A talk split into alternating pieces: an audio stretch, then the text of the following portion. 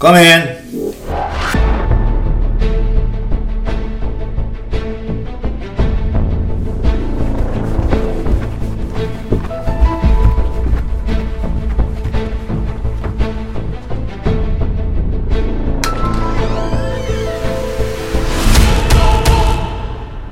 Hej Karina Hej Gert. och välkommen till Gerts värld. Tack snälla. Du, jag har städat och jag har tänt ljus och jag har fixat och jag har ställt i ordning så gott jag har kunnat här bara för att du skulle komma. Ja, jag tycker det känns jättebra. Dina ansträngningar, de går ju verkligen hem. De gör det? Ja, jag tycker det är mysigt. Det skulle ju egentligen ha luktat lite sådär, lite bullbak också. Ja, det hade varit bra. Då hade jag blivit hungrig. Du, Karina. Du, du jobbar på bank, Ja. På Handelsbanken, ute i Täby, var det så? Nej, inne i stan. Inne i stan? Ja, men du bor i Täby? Jag bor i Täby. Okej. Varför bor du i Täby? Du, det är en riktigt bra fråga. Men jag är uppvuxen i Täby, ursprungligen. Från början? Ja, från början. Jaha. Eh, pluggade i Örebro, där jag träffade min eh, mannen, eh, så att säga, pappan till mina barn. Eh, Jaha, hur många att, eh, barn har du? Två stycken. Ja, det är ju bra. Det är ju bra för då har du ju sörjt för dödligheten i alla fall. Inte för nativiteten, men väl för dödligheten. Ja. Det är bra. Så det blir plus minus noll på dig och gubben då. Du, Örebro, eh, det är ju en universitetsstad. Mm. Vad, läser man, vad läste du där? Eh, Jag läste företagsekonomi, finansiering och eh, statistik. Det gjorde jag. Åh herregud. det, Mark Twain, vet du vad han sa? Han Nej. sa så här. Det finns lögn. Det finns, finns förbannad lögn. Och så finns det statistik. Ja. det stämmer för ganska, ganska bra. Man kan visa vad man vill med siffror. Men det är inte det att du är banktjänsteman, att du är tvåbarnsmor, att du har vuxit upp, eller inte, ja du har vuxit upp i Täby, pluggat i Örebro, men du har ju, helt plötsligt så har du skaffat dig en idrottskarriär. Hur, hur länge har du på och, och, och, med sånt? Ja, det jag nu pysslar med på fritiden har jag hållit på med bara i tre år, faktiskt. Så det är inte så länge. Bara i tre år. Vad är det du sysslar med? Jag eh, eh, tävlar inom fitness. Gör jag. Tävlar i fitness. Ja, det Hur gör gör jag. man då? Man står i högklackat och bikini och spänner sina muskler på en scen. Åh fan. Är det då man har sån där bronserat? eh, Ja, man är brun som en pepparkaka. Men det, det, det är det ju inte nu. Nej, nu är jag blek. Nej, det vill jag inte säga. Du, du är ju sådär klädsamt eh, färg. Bra färg. Nu klappar jag lite här på en väldigt kraftig överarm faktiskt. Som man inte vill smaka på. Inte möta Du, mig i eh, mörkret. tre år.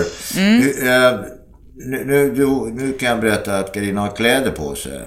Eh, men innan du fick för dig att du skulle börja, det började inte, oh jag ska börja tävla i fitness.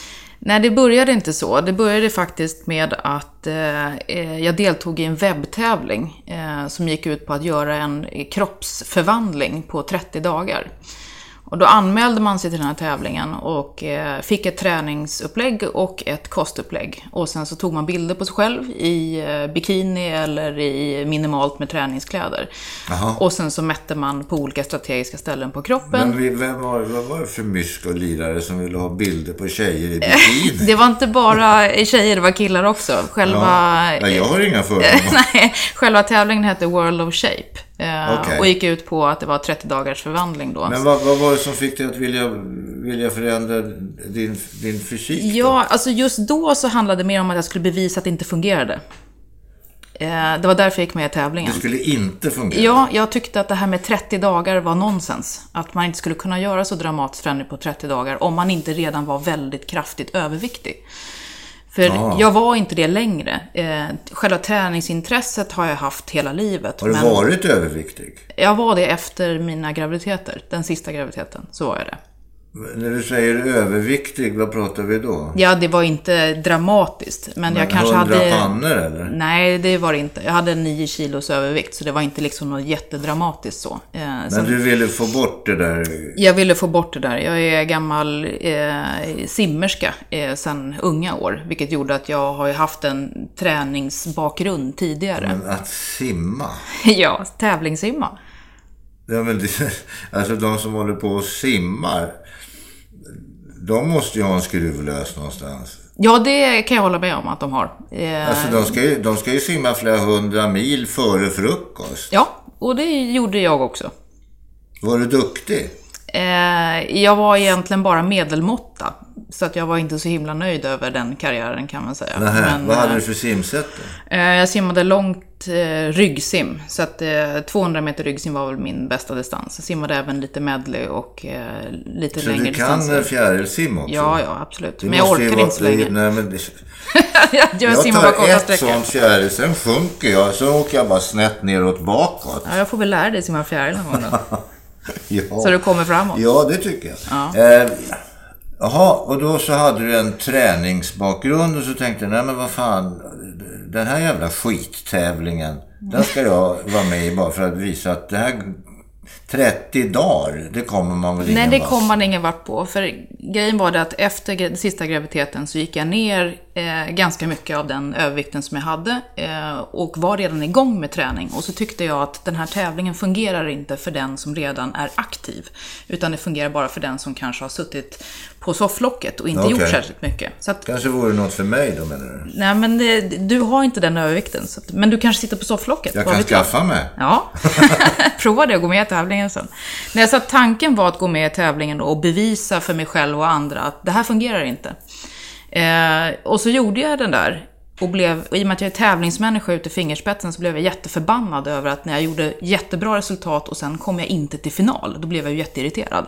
Ja, men det är klart. Ja, eh, så jag spenderade resten av det året med att eh, finslipa på mina träningsmetoder och på kosten. Eh, för att sen ge mig in i den här tävlingen en gång till ett år senare. Med då tanken att nu jäklar ska jag vinna den här skiten. Ja.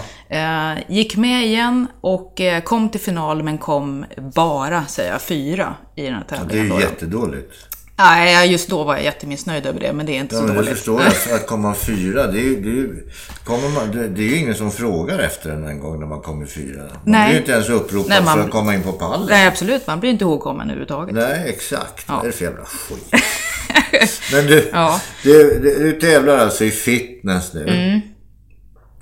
Och det är en väldigt speciell sport och det är många som, som har synpunkter och åsikter om det där. Vet jag. Jag bryr mig inte så mycket. Utan, och jag tycker att många av de här människorna eh, kan vara snygga att se på i och för sig. Vissa kan vara mindre snygga att se på för det blir så väldigt mycket konstigt med, med, med muskler och sånt. Och det ser ut som ormar som krälar på ryggen på dem. Ja. Men, men, men det finns ju då naturligtvis... Vad är, vad är fördelen med att ägna sig åt fitness? Fördelen? Ja, för det första så älskar jag att träna. Eh, vilket gör att, och jag tror man måste göra det för att kunna hålla på med den här sporten Ja, men det är överhuvudtaget. att tvinga sig. Nej, det, för mig är det inte det. Utan för mig är det en ventil till allt möjligt. Att både när jag är förbannad, eller när jag är ledsen, eller när jag mår bra eller inte mår bra och så vidare, så är det ett sätt för mig att eh, hantera allt det genom att gå och fullständigt köra slut sig på gymmet. Men hur, hur, hur, när du håller på ett pass, hur, hur långt är ett pass? Alltså ett träningspass? Det, det kan variera, men det mest normala är väl att det är någonstans eh, strax under en timme upp till ungefär en och en halv timme. max. Du värmer upp och sen kör du Ja. järnet? Alltså. Ja. Och så beror det lite på vilken inriktning det är. Om det är mer styrketräningsbetonat eller om det är mer intervallbetonat. Hur långt passet men det blir. måste ju du bestämma dig för. När jag börjar ja. ja. Ja.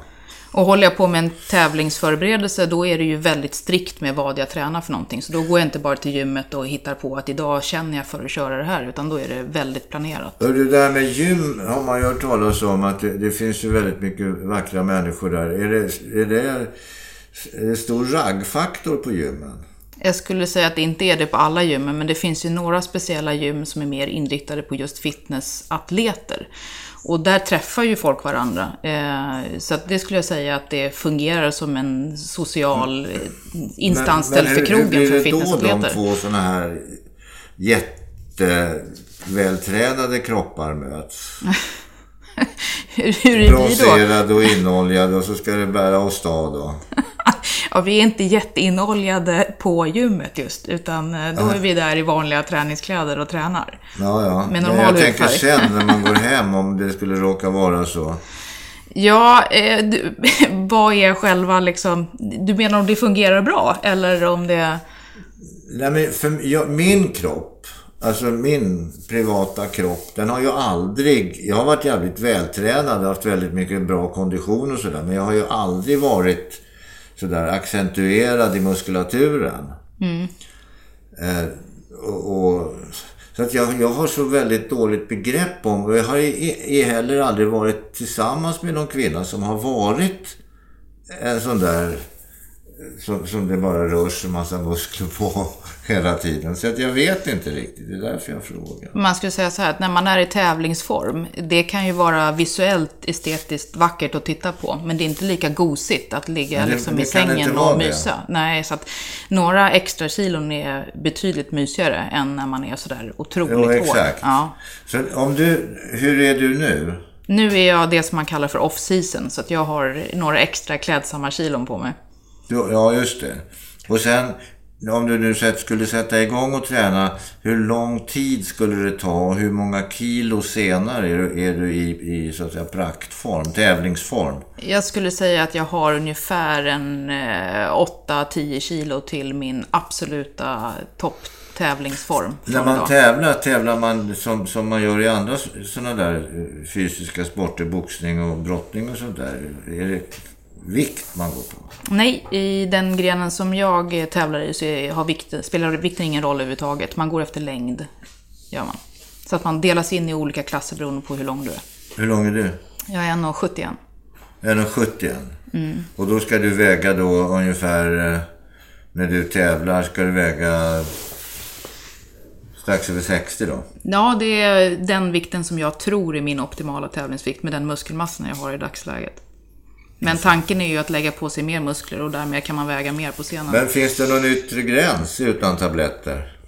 Eller, Ja, jag är ju helt ren i den här sporten. Det finns ju andra som inte kanske är det. ja, alla eh, de som är med i Gladiatorerna till exempel. ja, det vet jag ingenting om. Men Och det vet du. Och det vet jag också. Och det vet förmodligen alla andra också. Men man förtiger detta. Jag tycker det är skämmigt. Ja. Ja, nej, men det finns de som har sagt till mig i branschen att om jag inte tar någonting så kommer jag inte heller att lyckas. Nej. Eh, Men jag väljer att inte göra det ändå för att... Det är ju eh, farligt. Ja, men jag tycker att man leker med sin kropp då på det, ett sätt som inte jag står bakom. Så att det, jag väljer att avstå. Du, vad, vad säger dina barn då? Min morsa hon är så jävla stark vet så hon kan slita ut ett kylskåp. Ja. Kasta ut genom fönstret. Ja, nej men eh, dottern är väldigt eh, noga med att tala om att jag är väldigt stark för sina kompisar ibland. Så att, eh, och är stolt över det. Medan eh, sonen tycker att eh, jag är mycket finare om jag inte har massa rutor på magen. Ja, men han vill ju gossa lite. Han vill gossa. Ja, det är han som vill ligga och kramas. han? Är 11. Ja, men då vill han ju gossa. Ja, Då vill han ju krypa upp i knät så ska det vara lite mjukt och gott. ja precis. Inte stenhårt. Nej, exakt. Inte stenhårt.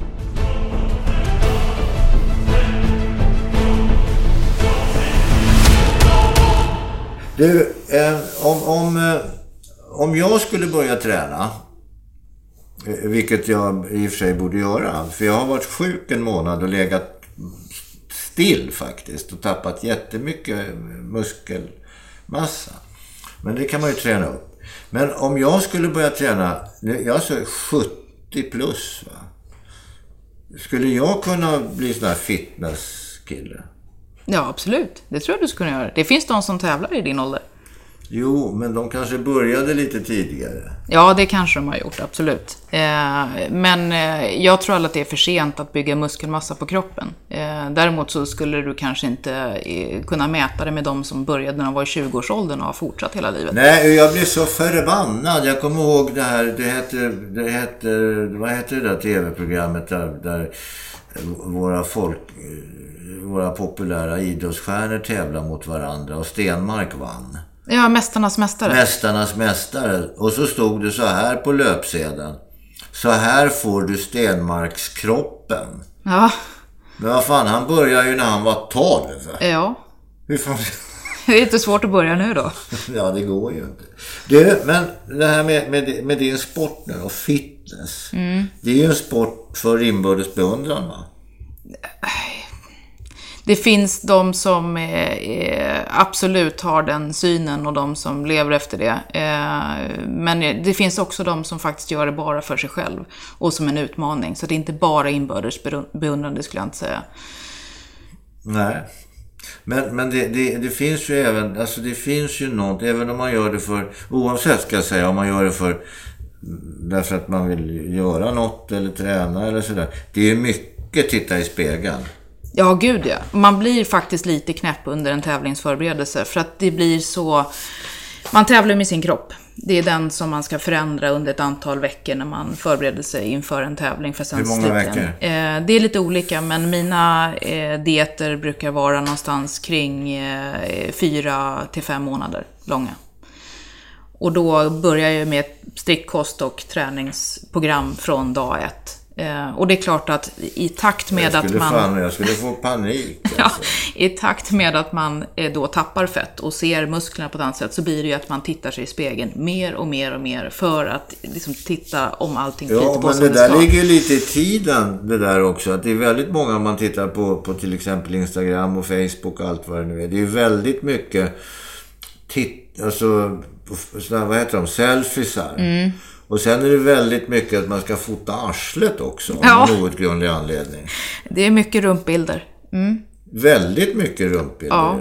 Och det, det, ja, det är ja, vad ska jag säga.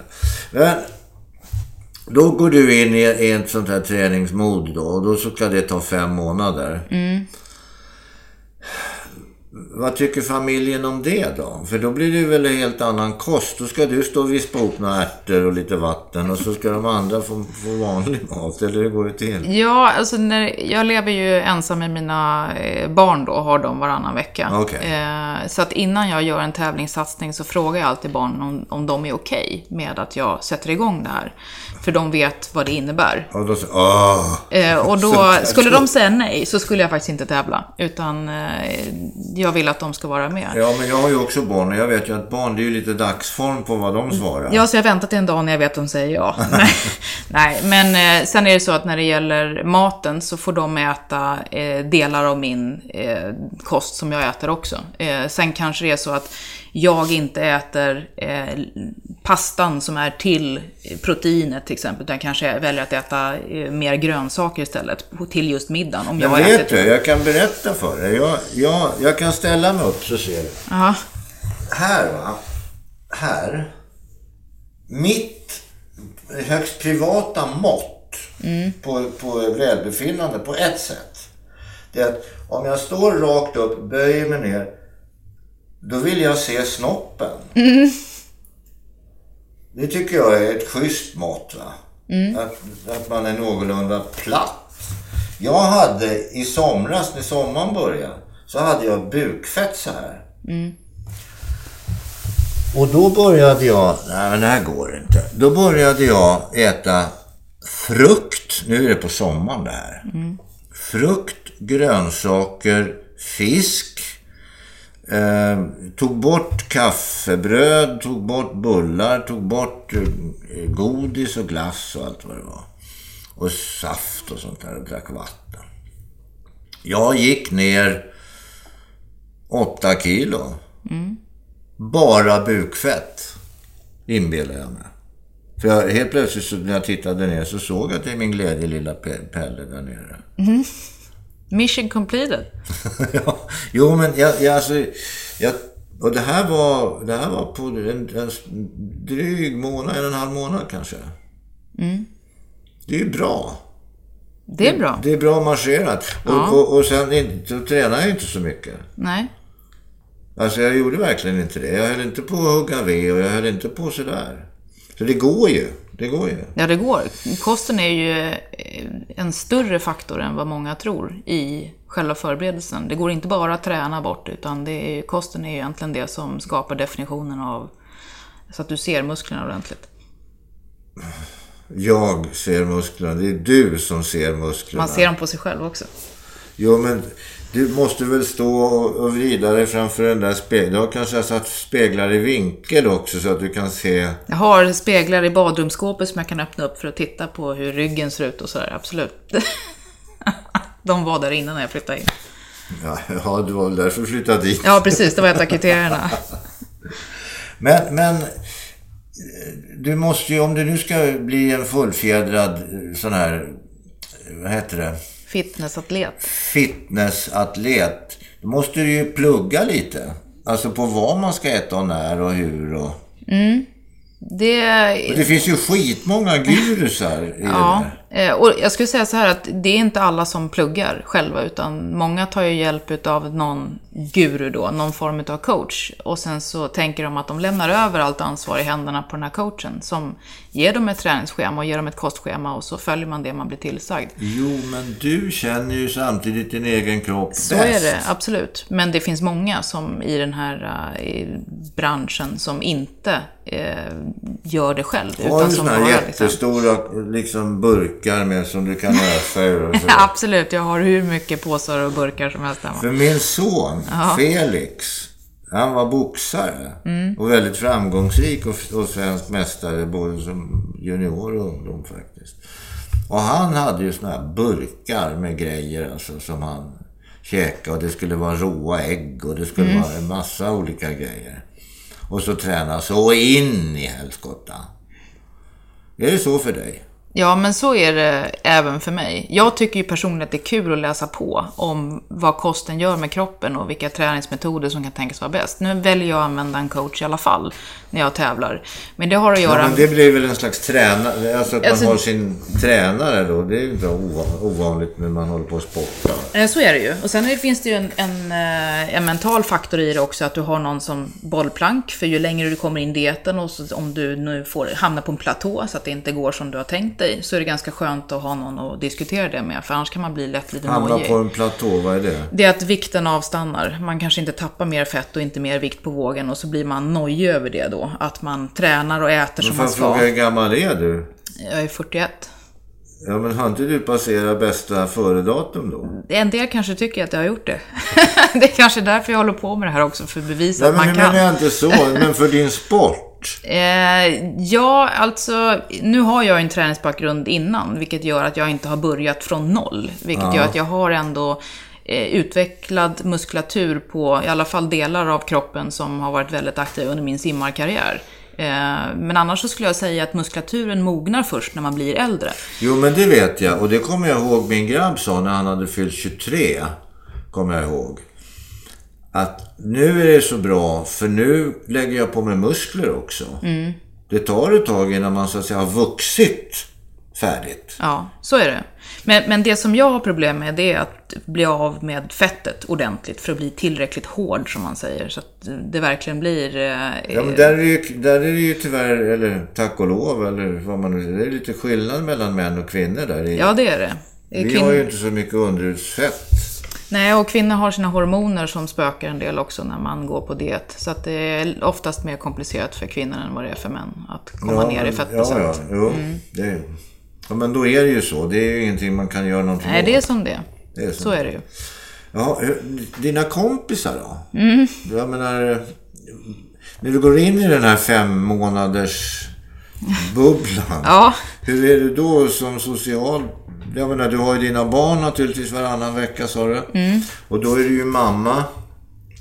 Och sen har ju kompisar. Mm. Och de ska ju ut och dricka vin och dansa och sådär. Mm. Försvinner du bara fem månader då? Nej, jag försvinner inte hela fem månader. Det kan jag inte säga att jag gör. Det finns de som mot slutet säger ja men ring mig sen när du är klar med det där så vi kan gå ut och käka en bit mat och äta. För annars så tar jag nämligen med mig matlådor var jag än går någonstans.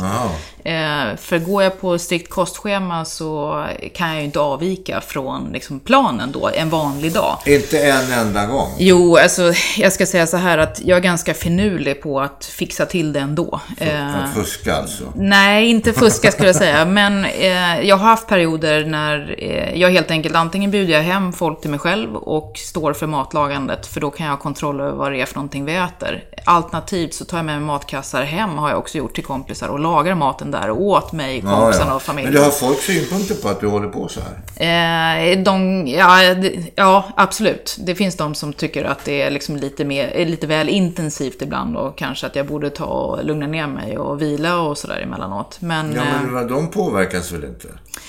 Nej, de, de tycker att jag påverkas av det. I form... Blir du sur och grinig? Och... Nej, det skulle jag säga att jag inte blir. Jag är nog ganska duktig på att inte bli sur och grinig. Men de tycker att det blir inskränkt i att eh, om de vill gå ut och käka och jag kanske hellre föredrar att vi äter hemma. Just för att det är mycket lättare för mig att kontrollera vad jag äter för någonting. Jag tycker det är mycket trevligare att äta hemma än Ja, det tycker jag också. Men det är mer en, en sån här eh, grej av att många upplever det som ganska skönt och avkopplande att gå ut och äta och slippa laga maten själv. Och att man då så att säga köper sig fri av att man eh, låter någon ja, annan ja, göra det. då kan man ju ta hem en kock. Ja, det kan man ju också göra. om man har de förutsättningarna. Men det, eh, I vanliga sporter så är man ju med i något lag så att säga. Man tillhör mm. ju en, en, ett, ett, ett eh, Hammarby eller AIK eller Spårvägen eller vad fasiken det är. Mm. Är du med i någon klubb sådär? Ja, jag tävlar för ett team, gör jag. Eh, som heter MM Sport. Vad heter han? MM Sports team. MM Sports? Ja. Det är den här kosttillskottsbutiken eh, som ligger på Sveavägen. Ja, kanske känner till. Det, men där har jag varit inne någon mm. gång. Det har jag faktiskt.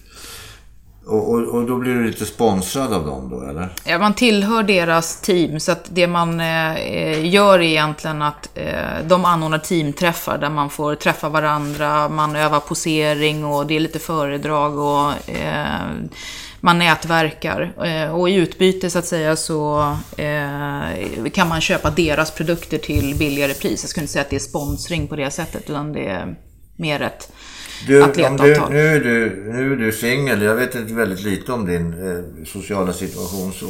Men är killar rädda för dig? Jag upplever att eh, jag har haft svårare att faktiskt få kontakt med folk. Eh, ja, det gör jag när jag har varit singel. Absolut. Om de Därför är rädda eller inte, det vet jag alltså. inte. Eller jag vill ställa det i relation till träningen. Nu ska jag säga så att jag spenderar ju väldigt mycket tid på gymmet. Så att jag är ju inte ute på krogen eller någonting och rör mig eh, särskilt mycket. Och på gymmet så upplever jag att det faktiskt är så att när jag är på de vanliga gymmen så drar sig folk för att prata med mig, faktiskt. Sen om det mm, beror på att jag eh, utstrålar att jag liksom inte vill prata med någon därför att jag är så inne i min träning, eller om det beror på att jag faktiskt ibland kanske lyfter till tunga vikter för att de blir skrämda av det, det vet jag inte. Men du, om man nu är på eh, en träningslokal, vilket du då är, det kallas ju för ett gym då man är på, mm. och du är där för att träna, då vill man väl per definition inte bli störd? Nej, så är det ju. Det, är jag där och tränar så vill jag egentligen bara träna. Men sen är det klart att det finns ju tillfällen när man rör sig i lokalen och inte är inne i träningen. Man kanske står och väntar på att en specifik eh, liksom, hantel eller maskin ska bli ledig eller något liknande. Men jag upplever att på de här gymmen som är mer specifikt större, eh, merparten är fitnessatleter som håller på med det här. där är det mycket mer socialt där man kan prata med folk mycket friare än vad det är på de här vanliga Jo, men det är ju därför att ni har sam, delar ju samma intresse och ja. ni har samma typ av problem eller ni har samma glädjeämnen eller ni har samma, vad det är för något.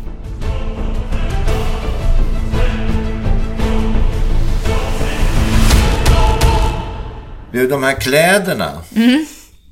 Det är ju inte mycket till kläder. Nej.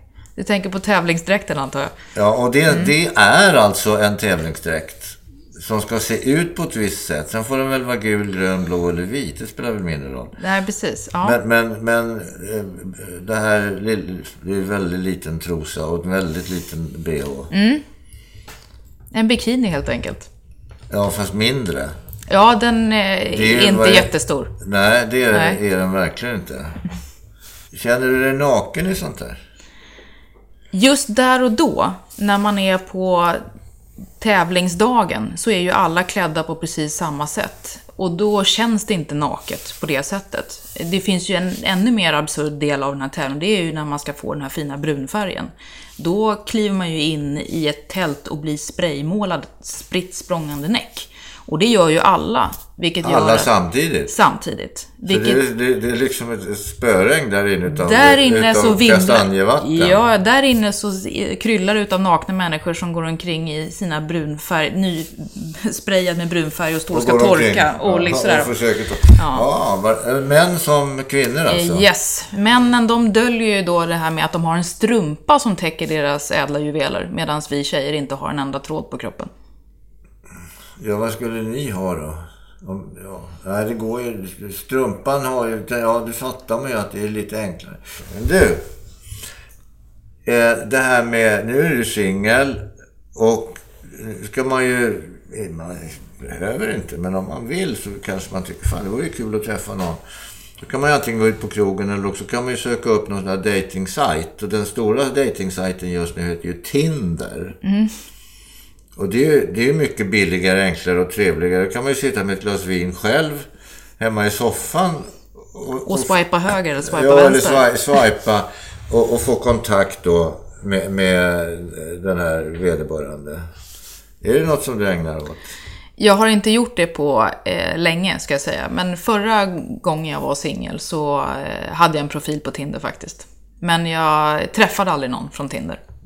Du, men det väljer ju du själv. Nej, men jag menar det att jag hann inte ha Tinder särskilt länge. Så att, eh, Innan, innan eh, bocken i paradiset innan eh, jag blev precis i ett fast förhållande då vid den Ja, ja. tidpunkten. Mm. Men nu är, nu är du ju ute på banan igen. Nu är jag singel igen, ja. Nu är det bara hatcha dansskorna. Får damma av dansskorna. Men du, hur ser du då på andra människor som inte håller på att träna? Jag var nere på, på Dominikanska republiken, eller på eller i vad man nu säger. Fy fan vad folk ser ut alltså. Ja, det finns de som ser ut, ja. Nej men alltså det är ju inte klokt. Och så sitter de där och så trycker de i sig massa eh, bullar och jag vet inte vad och såser och skit. Och är feta som lass. Vad tycker du? Ja, alltså, jag tycker att man gör sina egna val i livet och jag har inga synpunkter på om det är någon som vill sitta och klämma i sig ett gäng semlor eller bullar. Och eh, om man är nöjd och lycklig med det så har jag inga synpunkter på det. Jag skulle aldrig kritisera en sån person. Eh, däremot om en, en person är överviktig och kommer och ber om råd och vill ha hjälp att gå ner i vikt så skulle jag ju självklart eh, hjälpa dem och ge dem rådet att kanske inte sitta och lassa i de här bullarna och kakorna och det. Eh, det jag kan störa mig på är ju snarare när de har synpunkter på mitt liv och mina val. Det tycker Ja, men man ju det är mer accepterat. det, Ja, men det kan jag förstå att de har. Det är en provokation. Det tycker du? Ja, Ja. men det, de blir ju provocerade. Ja, men faktum är att det- folk blir jätteprovocerade när man sitter i fikarummet på jobbet och man väljer att inte delta i att äta det som serveras på fikat, utan att du väljer att bara sitta där och socialisera. Det blir man ifrågasatt av Ja, hela tiden. likadant. Det är ju samma sak. Det är dels med kakor, men det är ju samma sak sen är du ute och, så så, och, och det, chefen har bjudit på middag och så ska dricka snaps och vin och skit. Och så säger man nej tack. Mm. Ja. Då blir man ju betraktad som, jaha, han har alkoholproblem. Nej, det skulle jag säga att man inte blir, utan man blir betraktad som tråkig, blir man. Ja, Det är det jag upplever i alla fall mer. Att, men eh, jag tycker inte du är tråkig. vilken tur. Ja, men jag, tycker det, jag tycker det är utmanande med människor som har, och intressant med människor som har en annan uppfattning eller en annan idé eller en annan erfarenhet eller eh, tror sig ha en annan uppgift. Jag tycker det är skitspännande faktiskt. Eller? Ja, men det tycker jag med. För jag, jag tycker det, det är det som för saker och ting framåt. Det hade ju varit jättetråkigt om alla var likadana. Men du, nu håller du på med fitness. Och så är du då i dina egna ögon ganska misslyckad simmerska. Jag skulle inte säga misslyckad, men i och med att jag är en tävlingsmänniska så ja, jag hade ju velat lyckas bättre. Ja, men hur, hur långt kom du då? Alltså, det finns ju distriktstävlingar, så finns det rikstävlingar, så finns det landslagstävlingar. Hur långt kom du? Jag simmade SM en gång, eh, gjorde jag. Och när jag var som eh, bäst egentligen i eh, övre tonåren så var jag väl rankad som trea i Stockholm inom min disciplin då, eller det simsättet som jag var bäst på. Ryggsim. Ja, 200 meter. 200 meter ryggsim, ja. Precis. Vad tyckte dina föräldrar om att du höll på så mycket? För simma är mycket, alltså. Då håller man på mycket. Ja, eh, och båda mina bröder som jag har då, de simmade också. Så det var ju ett jäkla farande till simhallar hela tiden för våra föräldrar. Eh, och det tyckte de väl nog var eh, Du, Ja. så länge de inte ska spela ishockey så är jag nöjd. Ja, okej. ja. Det är ett helvete. Då får man sitta i ishallar istället. De är nog glada, Ja, mer glada för och simhallen. bära då. denna jävla trunk. Och knyta skridskor som de aldrig lär sig. Ja. Heller. Men, men eh, skolan då, kommer inte den i kläm? Skolan var inte prioriterad, det kan man lugnt säga. Eh, simning krävde så otroligt mycket tid. Ja, så att, eh, man simmade på morgonen innan skolan, så gick man i skolan och så direkt till simhallen igen och simmade igen och sen kom man hem. Eh, jag hade fördelen av att jag hade lätt för att eh, lära mig. Så att jag pluggade i princip aldrig, utan jag lärde det mig räckte ändå. med dem, att vara uppmärksam på lektionerna. Ja. För det. ja, men det är ju bra. Men gick inte ut Var du en snäll liten flicka som satt där och räckte upp handen? Jag var jättesnäll liten flicka. Jag räckte upp handen bara på de svaren som jag hade pluggat in. Eh, Jag valde ut vissa delar som jag lärde mig och så räckte jag upp handen på det väldigt frenetiskt. Så fick jag frågan och så Ja, men vad fan, sen hamnade, du hamnar ju i alla fall på... Eh, du måste ju ha pluggat så mycket så att du fick möjlighet att gå på högskolan. Ja, ja, absolut. Och du fick ta en ekonomisk och, och, och sån där statistikexamen också. Ja, ja. Nej, men jag har lyckats bra i skolan under förutsättningar. Och det var egentligen inte förrän jag började på universitetet som jag faktiskt eh, alltså ansträngde mig med betygen och, eller med skolarbete överhuvudtaget. Men du, dina föräldrar då? Din mamma då till exempel? För en dotter ligger ju ganska tätt intill sin mamma sådär. Har hon haft synpunkter på vad du har gjort? Skulle inte du kunnat ägna dig åt det lite vettigare istället kanske? Ja, min mamma har väl vid något tillfälle sagt någonting i stil med att eh, med all den energi jag lägger ner på det här så skulle jag ju kunna ta mig för vad som helst. Varför valde jag just det här då med fitness? Som hon tycker är kanske lite spektakulärt och eh, ja, konstigt. Går de och tittar? Eh, Jag har faktiskt fått min mamma att titta på två tävlingar eh, utan att tvinga henne. Hon, Du, när ska du gå in i nästa träningsfas? här? Jag har precis avslutat ett år med fyra tävlingar, så det här året tänker jag faktiskt vila från tävling, hade jag tänkt. Ja, jag som hade tänkt att gå och titta. Kanske bara därför jag ska ställa upp då. då. Du får snacka med dina ungar. Ja. Du, har ju be- berättat att du måste rådgöra med barnen först. För det är en ganska lång och, och tung period. Fem månader för att komma i form. Ja, så är det. Och komma ner de där, vad det nu är, 10 kilona som man ska ner. Mm.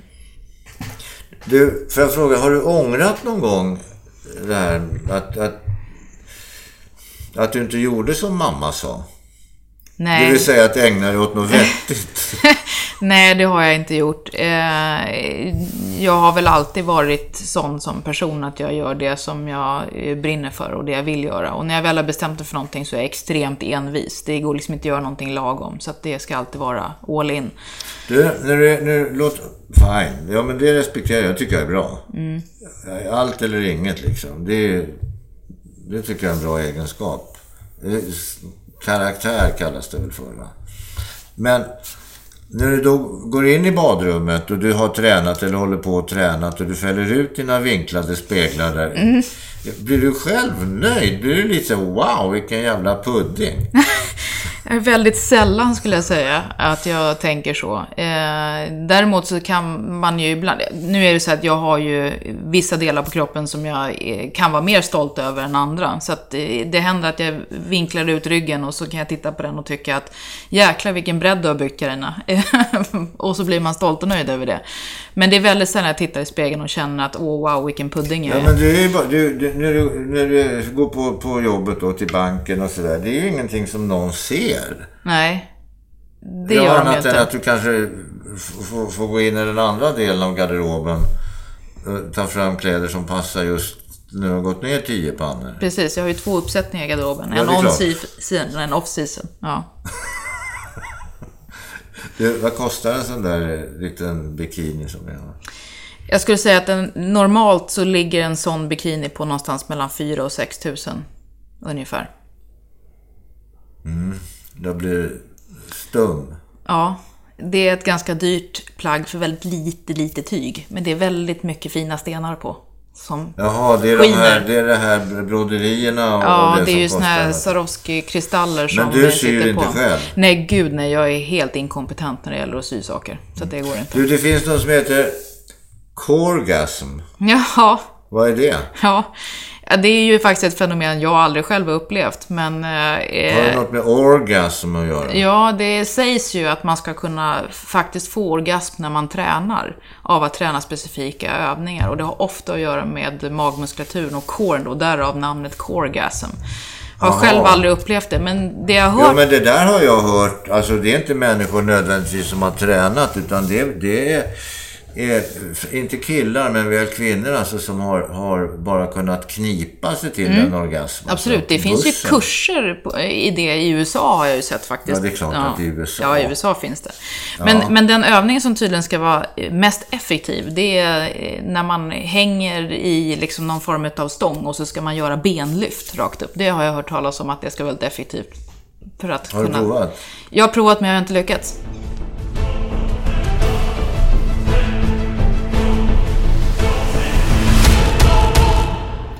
Hur många sådana här fitness-tävlande människor finns det i det här landet? Oj, det vet jag faktiskt inte.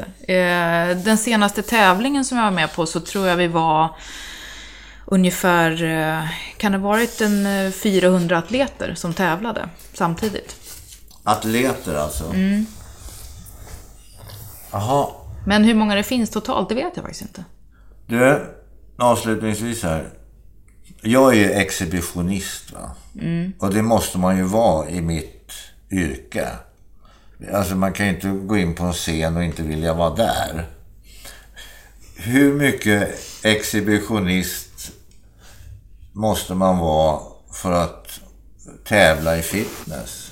Vet du vad, man behöver faktiskt inte vara det alls, anser jag. Därför att när jag gjorde det första gången eh, så var det bara av anledning att jag ville utmana mig själv. För det var det vidrigaste jag kunde tänka mig att göra. Stå på en scen i bara bikini, högklackad och bli bedömd för mitt utseende och ingenting annat som jag Ja, skulle det prestera. hemskt. Och jag trodde att jag skulle tycka att det var fullkomligt vidrigt och vansinnigt och aldrig göra det igen. Och blev totalt hooked. Trots att jag tyckte att det var läskigt som fasiken. Eh, Men du, gå upp på scenen i den där larvigt lilla bikinin. De där små liksom lapparna på, som täcker bröstvårtorna eller motsvarande. Alltså du kan ju inte vara mera, eller du kan ju inte vara mindre avklädd. Jo, då är du naken va? Hur är det att vara naken då? Ja, alltså att vara naken, som i spraytan-situationen när man är naken, det är jät- var jätteobekvämt för mig. Många andra som har gjort det tusentals gånger, säga, de, de var hur bekväma som helst. De går omkring med sina telefoner och samtal med varandra. Jag tyckte bara att det var fruktansvärt pinsamt. Men man vänjer sig vid det också. Stod du där och kikade då på killarna? nej, det gjorde hur jag långt inte. det var, hur Det- brett det var, hur tjockt det var. Nej, det gjorde jag inte. Det är lite Varför gjorde avskilt. du inte det? Nej, men jag tyckte det var så pinsam situation överhuvudtaget. Det, så att man, jag vill inte titta på någon annan som var naken. Så det var, jag stod i mitt lilla hörn och försökte torka och hoppades att ingen tittade på mig. Ja, men du var, ju ny, du, du var ju ny i gänget. Det är klart att alla tittade på dig. Nej, jag säger inte så. Jag tycker jag hoppas de inte gjorde det. Det är lite separerat kvinnor och, och män. Eh, man står hyfsat öppet, men det är liksom i olika sektioner kan Jo, man jo, säga. men jag vet, tjejer tittar ju väldigt mycket på andra tjejer. Ja, det gör de. Och inte bara avklädda, jag menar, utan i alla situationer så Mm. är det i väldigt mycket mera jämförelse mellan, tror jag, kvinnor och deras olika attribut och, och, och accessoarer än vad det är mellan killar. Det är det. Eh, och, och om man då inte jobbar i bankvärlden där alla ska ha en Rolex liksom, och manschettknappar. Eh, det var larvig. Ja, nu, nu blev det jobbigt här. För nu ska jag ställa den där frågan som jag egentligen inte skulle vilja ställa. Hur viktigt är det för en man, och då menar jag i allmänhet, att vara i toppform?